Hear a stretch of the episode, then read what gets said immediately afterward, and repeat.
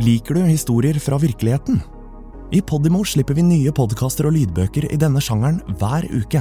Dokumentarer, personlige historier og true crime. I denne spillelisten kan du høre et utvalg av våre mest populære titler. Podimo. Podkast og lydbøker i én og samme app. En krig har mange sider, og noen av dem kommer ikke fram før lenge etter krigens slutt. Dette gjelder ikke minst det som krigsseilernes barn skulle få oppleve i oppveksten. Krigen var slutt. Den første fredsrusen hadde begynt å legge seg. Rundt om i landet forsøkte familier å stable tilværelsen på beina igjen.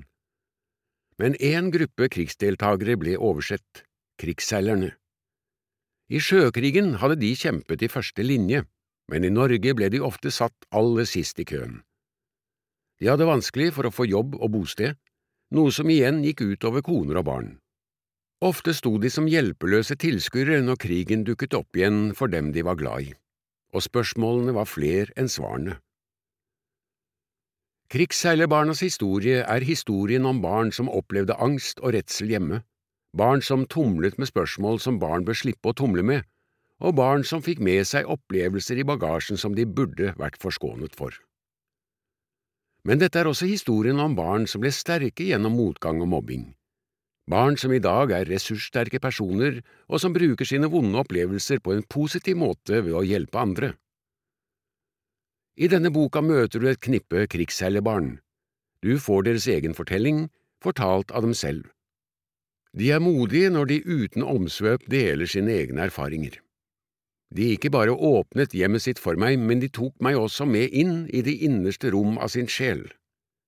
Det ble en tid med latter når de gode minnene ble hentet fram igjen, men det var også tid for tårer når det skulle settes ord på traumatiske barneår. En av dem sendte meg noen ord etter vår samtale. Å berøre barndommens lojalitet er en skikkelig konfliktjobbing. Kjenner kroppens reaksjoner kommer, det velter seg rundt inni meg, Roter jeg i pappas historie? Utleverer jeg ham, oss? Bryter jeg lojaliteten nå?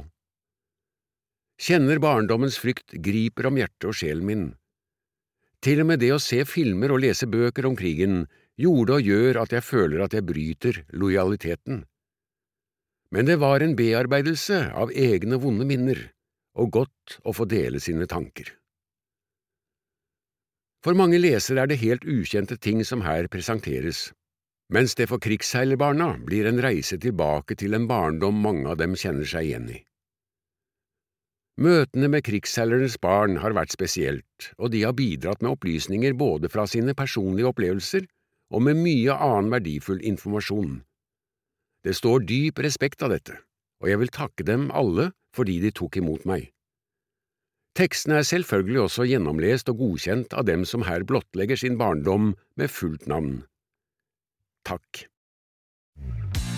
Likte du denne episoden? Så del den, da vel! Fortell en venn hva du hører på, og gi følelsen av god lytting i gave til noen du bryr deg om.